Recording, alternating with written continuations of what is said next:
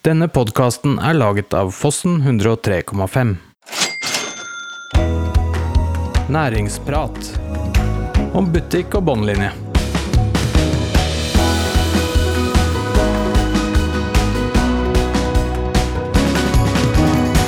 Velkommen til den aller første episoden av podkasten Næringsprat, butikk og båndlinje. Eh, Det vi ønsker rett og slett å løfte med denne podkasten, det er at vi skal eh, få fram de gode historiene i Ringeriksregionen, og bli kjent med alle de spennende og interessante menneskene som er rundt om i regionen. Og jeg heter Christian, jobber i Ringerike næringsforening, og i dagens podkast har jeg med meg Anne Katt fra Mer innovasjon. Ja, jeg heter jo Anne-Kat. og jobber som eh, forretningsutvikler i eh, Mer innovasjon. Og denne podkasten skal jo vi ha som et samarbeidsprosjekt mellom Mer innovasjon, som er innovasjonsselskapet for hele regionen, eh, og deg som jobber i RNF, som er da Ringerike næringsforening. Og det vi ønsker er jo rett og slett å løfte det som skjer rundt om, og ikke minst fortelle om det vi jobber med i regionen, og kanskje tingene som ikke da kommer helt fram. Ja, vi har jo et veldig mangfoldig og spennende næringsliv her i regionen, og ønsket vårt er å møte de, prate med de, og dra frem de som kan inspirere andre til mer vekst og utvikling. For eh, det er jo det som er det generelle målet vårt i vårt arbeid til daglig. At vi skal være til stede og hjelpe næringslivet og være en støttespiller. Og i eh, dagens podkast er vi så heldige å få med oss eh, Christian Bakke fra Feelgood Norge. Han har jo begynt sin reise fra Modum, men det skal vi høre om mer mot slutten av episoden. Ja, og der kan vi jo bare innlede med å si at Feelgood Norge har vokst på veldig få år fra to små treningssentre eh, i nærheten av Modum, til nå så er de 80 i Europa. Så eh, der har det vært litt av en reise.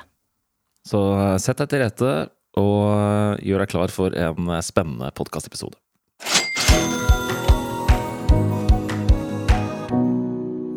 Hei, du. Prøv å legge merke til hvor oppmerksom du er akkurat nå. Du hører hva jeg sier, ikke sant?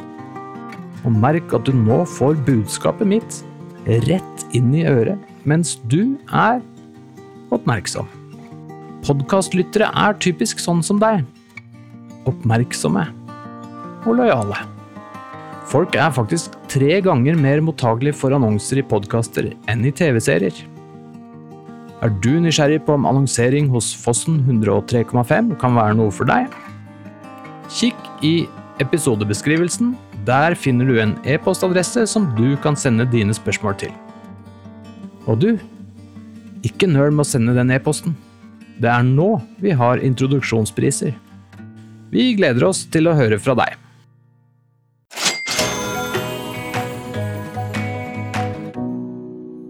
I dag skal vi utforske historien bak en av Norges mest anerkjente treningskjeder, Feelgood. Fra skiskytterbanen til å bygge opp markedsstrategien for Feelgood har Christian Bakke vist en utrolig evne til å motivere, inspirere og skape en god følelse av fellesskap. Så la oss dykke inn i reisen til Christian Bakke og hans Feelgood. Velkommen, Christian Bakke. Takk skal du ha. Vi har jo catcha det at du har drevet med skiskyting eh, tidligere, og så har du jo flytta deg over til Feelgood. Og jeg hørte rykter om en rå markedsstrategi. Kan du fortelle oss litt om det? Uh, ja, uh, jeg har jo alltid brent for um, å hjelpe folk, først og fremst. Uh, og alltid brent for utvikling. Eh, du, jeg tror ikke du kan drive med idrett uten å ha et sånn eh, et eh, begjær for å yte. Eh, både for deg sjøl og andre. Eh, så um, den idrettskarrieren, den eh, Det koster. Både en, engasjement og penger, alt sammen. Men samtidig så er det det beste livet du kan ha når du brenner for trening. Og det å reise rundt og oppleve ting. Men når lidenskapen blir borte, da er det ikke verdt det lenger. Og det gjorde at jeg slutta med skiskyting. Um, I en alder av 28 år. Så du holdt det egentlig ganske gående ganske lenge? Jeg gjorde det. Um, da, jeg, er jo halvt svensk, så jeg bodde i Østersund i Sverige og konkurrerte der. Og konkurrerte i Europacupen for Sverige. Fikk reist eh, rundt og var med på veldig mye morsomt. Og som sagt, det er kanskje det beste livet man kan ha når man liker trening og aktivitet og reise.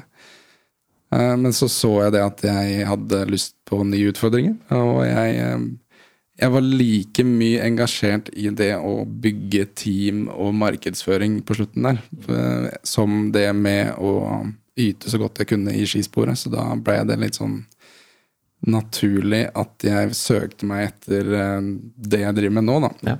Eh, så skal det tillegges at det er veldig tilfeldig at jeg er i Feelgood. Og det er, vi er jo tre mann i Seist, som er selskapet vi jobber med. Eh, der eh, Knut Ole Koppland var eh, en av sponsorene mine. Han er jo den eneste som lager vanlig treningsutstyr i Norge. Og jeg trente på treningssenteret hans. Så når jeg la opp, så var jeg bare prata med han om fast og løst. Og så hadde jeg funnet en sånn rehabiliteringsmaskin i hans uh, portefølje som han ikke jobba med, som jeg egentlig hadde lyst til å jobbe med sjøl. Og det var noe som gikk med å aktivisere passivt uh, aktivisere mennesker på sykehus. Så jeg masa på han, da, at det, det, her hadde jeg lyst til å jobbe med for han. Uh, og så var han litt sånn skeptisk for det, fordi det jeg ikke visste, er at han og Truls Nebel hadde nettopp bestilt de maskinene som vi jobber med nå, som er egentlig litt det samme, men allikevel veldig ulikt pga. at det er et mye større konsept. Eh, og så fikk jo de de her maskinene til eh, Gym 2000 i Åmot. Og så var jeg fortsatt litt sånn gira på å jobbe med folkehelse og sånn, da. Så jeg tok et møte med Knut Ole og Truls. Og så reiste jeg og Truls og prøvde maskinene. Eh, og i tredje maskin så sa jeg vel at det her skal jeg jobbe med. Og det bare begynte jeg med. Uten at vi egentlig hadde noe ansettelsesforhold. eller noe sånt, fordi da, da, gikk det på at jeg kara til meg retten for å jobbe med det her i Sverige først, egentlig. Ja. Eh, da fantes det ikke så mye som en prisliste for medlemskap eller noe som helst. Det var liksom bare knuckle med eh, Da hadde det bare vært eh, noen maskiner på, på Åmot treningssenteret, og så hadde de solgt maskiner til Sigdal i Prestfoss. Prestfoss i Sigdal. Og på Jessheim Eh, men som sagt, det var liksom Det var ingenting. Mm. Det var et navn og noen maskiner i et rom. Uh, og jeg har alltid brent for uh, markedsføring og grafisk design og sånn, så jeg, med en gang jeg fikk det agenturet da, for Sverige, så jeg er ikke like ram selger som det Truls er. så jeg må ha litt substans, jeg må ha noe å vise til. så jeg begynte jo å lage hjemmesider og tekster og bilder og alt sånt der, for det, det fantes jo ikke. og få tak i fra leverandøren engang. Mm. Så da fikk jo jeg eh, frie tøyler, da, siden jeg skulle være min egen herre på, i Sverige. Og jobba hardt på det. En lang historie kort. Så hadde jeg egentlig solgt det første senteret midt i Sverige. Og så til slutt så fikk jeg ikke tak i den kunden. Og så skulle jeg opp og reise og møte han, og så på vei opp så får jeg vite at han hadde dødd i en hjerteoperasjon. Oh, ja, ikke sant? Så det var jo en, en tragikomisk eh, endring på den karrieren der. fordi mm. da tok jeg et møte med Truls og sa at det her, hva, hva, skal jeg gjøre nå, liksom? Mm. Og så hadde han sett hva jeg hadde gjort, og det hadde Knut Olav òg, så da blei det en fot i bakken med at det her eh, er jo idioti. At vi fra Modum, eh, for alle tre er jo fra Modum, at vi skal jobbe i hvert vårt eh, land med det her. Så da knytta vi bånd eh, tettere, og så har vi kjørt sammen siden det. Det er jo en, eh, egentlig en helt sinnssyk reise. Altså, du, du, du, er litt inne på det sjøl, at eh, det var tilfeldig. Men du har jo mast deg litt inn i den bransjen også, for å si det sånn? Det kan man trygt si. Ja. Men uh, Anne-Kat, jeg veit at du eh, sitter inne med en uh, Eller vi kanskje gjør det begge. En gratulasjon til uh, Christian. Ja, altså jeg syns jo Jeg har jo fulgt, fulgt Feelgood helt fra starten fordi at jeg har, har noen nære relasjoner der. Og vært med og sett utviklinga. Og det du sier, da. Det gikk ifra å få inn en, et sett med maskiner, tolv stykker, uten noen ting til nå så er det en franchise-kjede som er bygd opp. Og jeg ser jo for meg at det har vært ganske mye jobb. Og enden nå er at dere nettopp har kommet inn i en det som heter IOU, som er litt sånn eh, teknisk og forkorta for noen, i Stortinget. Mm. gratulerer, Ja, må man vel egentlig si. Virkelig, altså. Takk for det. takk for det. Hva betyr det for dere å ha kommet inn i denne IOU-en? Det som er greia, er at vi, vi har hele tiden visst at Feelgood er en solid brikke i det å være med å løse inaktivitet og ensomhet blant folk, og spesielt den eldre garden. Eh, og det her kunne vi stått og ropt eh, fra en fjellkam i mange år, men vi har sett det at eh, vi skal gjøre ord om til handling. Så vi har hatt ett fokus. Vi skal åpne senteret, og vi skal hjelpe folk. Og vi skal få mange nok solskinnshistorier fra våre medlemmer til at det ikke går an å være negativ lenger. For det har vært veldig mye negativitet rundt det her, fordi det er, det er for lett, det vi driver med. Det er for enkelt til å utfordre et så komplekst og vanskelig tema som inaktivitet og ensomhet er. Men så har vi faktisk da klart å knekke den koden. Da. Gjennom de historiene vi har fra våre medlemmer, og de menneskene som har fått et bedre liv med det her. Det går ikke an å lukke øya for det lenger. Og da bare lurer jeg på, når du sier øh, dere, har nå mange, dere er nå mange, øh, har du et sånn tall på hvor mange medlemmer har dere i Norge? Nei, nå har vi jo langt over 10 000 mennesker. eh, Og til jul så runder vi 80 sentre i Europa. Ja, ikke sant. Da snakker vi.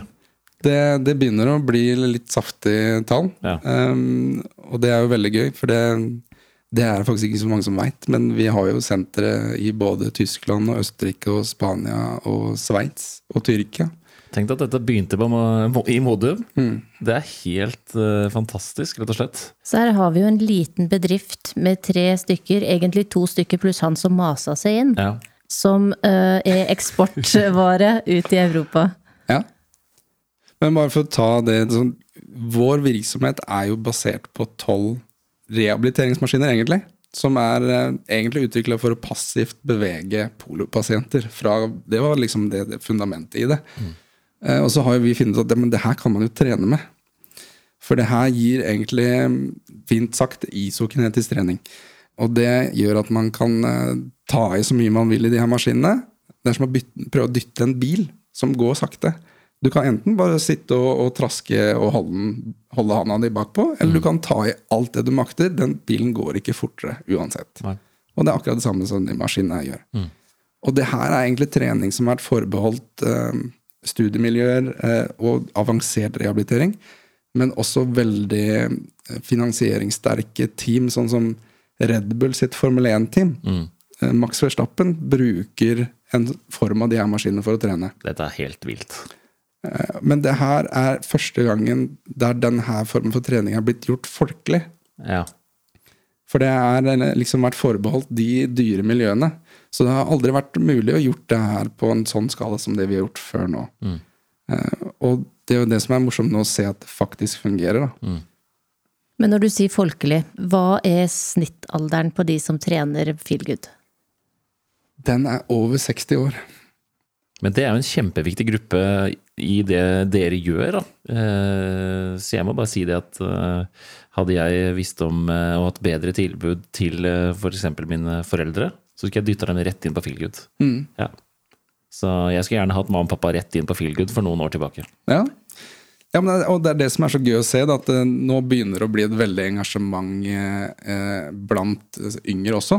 Med at de, de ønsker akkurat det du sier der med å, å motivere. For alle vil jo, alle veit at fysisk aktivitet er bra for deg. Ja. Det er, det er liksom udiskutabelt. Ja. Problemet er at det er, det er vanskelig.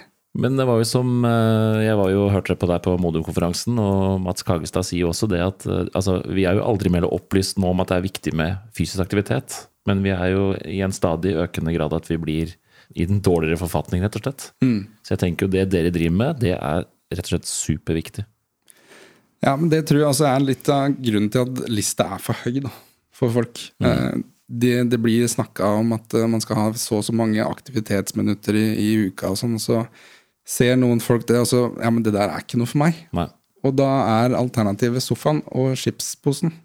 Så det, er- vi konkurrerer ikke med vanlige treningssentre, vi konkurrerer med sofaen. Det er liksom, Hvis vi får noen mennesker opp av sofaen og inn på senteret, så har vi vunnet. Det er jo det som er den hele store terskelen å komme over. Men dere som et lokalt firma som ø, jobber for å få tak i flere kunder, hvordan jobber dere strategisk med det? Hva er filosofien, og hva er visjonen? Vet du hva, Vi har aldri annonsert etter drivere. Vi har hatt kun organisk vekst pga. at vi har så lidenskapelige mennesker som jobber med det her, at eh, det er blitt en sånn dominoeffekt. Der eh, vi har egentlig hatt mer enn nok å gjøre med bare de organiske henvendelsene som kommer til oss. Og det er det som er litt gøy òg, for det viser jo egentlig potensial for det her, når vi virkelig begynner å cranke opp den, den portalen der. Ja. For potensialet her er jo hinsides. Altså Når vi har starta et senter i Prestfoss i Sigdal med er det, 500 innbyggere eller noe, og det går rundt Jeg kan tenke deg hvor mange sånne steder det er rundt omkring i landet, og hvor mange steder det er behov for noe sånt. Fordi det her er liksom Det er kanskje det eneste stedet som er et sosialt møtepunkt som ikke omhandler gambling, eh, kaffe og kaker. Ja. Det er eh, Folk sitter på et eh, treningssenter og der de kan være den den de er, og trives med det i et felles samvær. Ja. Og så er det konkret. Veldig konkret. Og det er jo Jeg kjenner personlig at det er veldig deilig. Når man eh, skal prøve noe nytt. Det er veldig konkret, og det, det er jo det dere er ekstremt flinke til. Da. Så, eh, men du, eh, eh, vi har jo noen spørsmål som vi alltid stiller gjestene våre. Eh, Så det Anne-Kat. og jeg lurer litt på, er hva er det du er redd for? Det er veldig lite jeg er redd for. må jeg si. Det eneste jeg er ordentlig redd for, det er om det skulle skje noe, noe med de nærmeste hos meg. Um, det er liksom den store frykten. Ellers så er jeg um, jeg er mye mer motivert av hva som skjer hvis vi lykkes, enn hva som skjer hvis vi ikke lykkes. Så Ja. der er jeg litt sånn happy go lucky, eh, og litt sånn eh, eh, naivt blind for at jeg, jeg stoler på meg sjøl og mine egne egenskaper, og at jeg kommer meg gjennom ting. Um, og går ikke, så går det over. Ja. Det er en uh, god statement der. Um, hva gjør du når du har fri, eller skal koble av fra jobben, om du greier det, da? Ja, det er det som er litt sånn uh, demonen i det å være gründer. Fordi du klarer jo ikke å logge av. Eh, men det som jeg har fått til å funke, er eh, sport og idrett sånn som eh, stisykling, Ja. eh, downhill, eh, klatring eh, og sånne typer aktiviteter der du faktisk ikke kan tenke på noe annet. Ja. Det har vært veldig, veldig nyttig for meg. Ja. Hvem ser du opp til? Gjerne sånn lokalt. Eh, mamma og pappa. For de er lokale. Ja, men det, det er faktisk en eh, det Jeg ser veldig opp til foreldrene mine. Altså. Det har um, vært en inspirasjon for meg alltid. Um, og så er jeg jo um, vært en protosjé sånn som Oleina Bjørndalen. Da. Og jeg tror det er veldig viktig for ungdommer å ha sånne sunne, gode eh, forbilder. eh, med gode verdier. Og det er eh, Jeg, jeg prata med Oleina om det her for når han la opp. Så takka jeg han for at eh, For det er veldig mange som går til han og takker for at jeg hadde gjort så mye for bygda. og sånt. Eh, Men så tok jeg han og takka for det han hadde gjort for meg. Fordi det er mye av de verdiene som jeg har, føler jeg egentlig at jeg har fått litt av han òg. Og det er liksom indoktrinert fra jeg var liten av. Mm. Og det tror jeg er veldig sunt blant mange. At man, også at man har noen å strekke seg etter. da. Han har på en måte satt den der lista om at man kan lykkes. Selv om man kommer fra Q-toppen på Simostranda, liksom. Ja. Uh, det, det, det gikk opp et lys for meg når jeg jobba med skiskyting. Eh, så jobba mye med markedsføring, og det var jeg som også jobba med mye sponsorting med eh, teamet vårt. Og så hadde vi en gigantisk eh, ernæringssponsor mm. fra USA. Som jeg da reiste og besøkte hovedkontoret til i Los Angeles. Og de som går på Oscar-utdelingen på den røde løperen her, når hvis du ser opp da, så ser du på skiltet til det her selskapet. Det er et gigantisk selskap. Så hadde jeg møte med sjefen i det selskapet, og kom på baksida og så at det her er jo helt vanlige folk.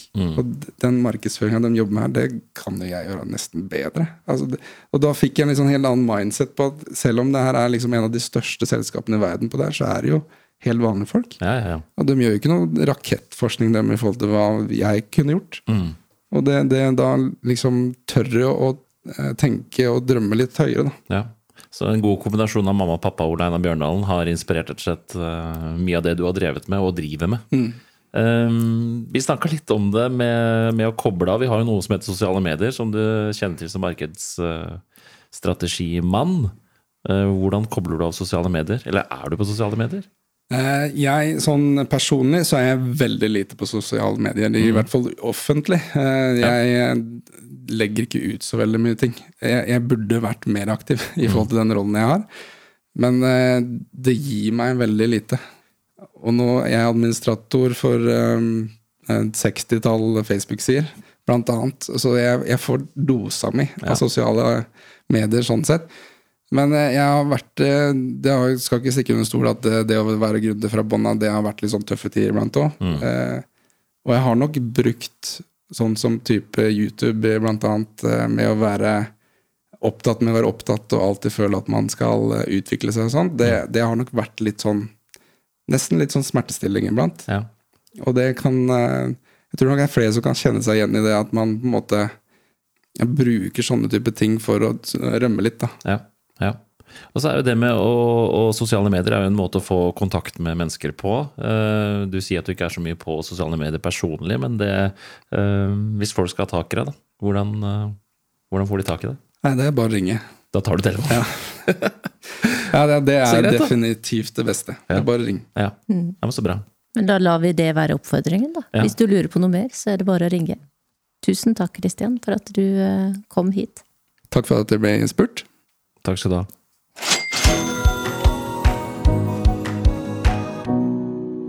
Hei, du. Prøv å legge merke til hvor oppmerksom du er akkurat nå. Du hører hva jeg sier, ikke sant? og merk at du nå får budskapet mitt rett inn i øret mens du er oppmerksom. Podkastlyttere er typisk sånn som deg. Oppmerksomme og lojale. Folk er faktisk tre ganger mer mottagelige for annonser i podkaster enn i TV-serier. Er du nysgjerrig på om annonsering hos Fossen 103,5 kan være noe for deg? Kikk i episodebeskrivelsen der finner du en e-postadresse som du kan sende dine spørsmål til. Og du, ikke nøl med å sende den e-posten. Det er nå vi har introduksjonspriser. Vi gleder oss til å høre fra deg.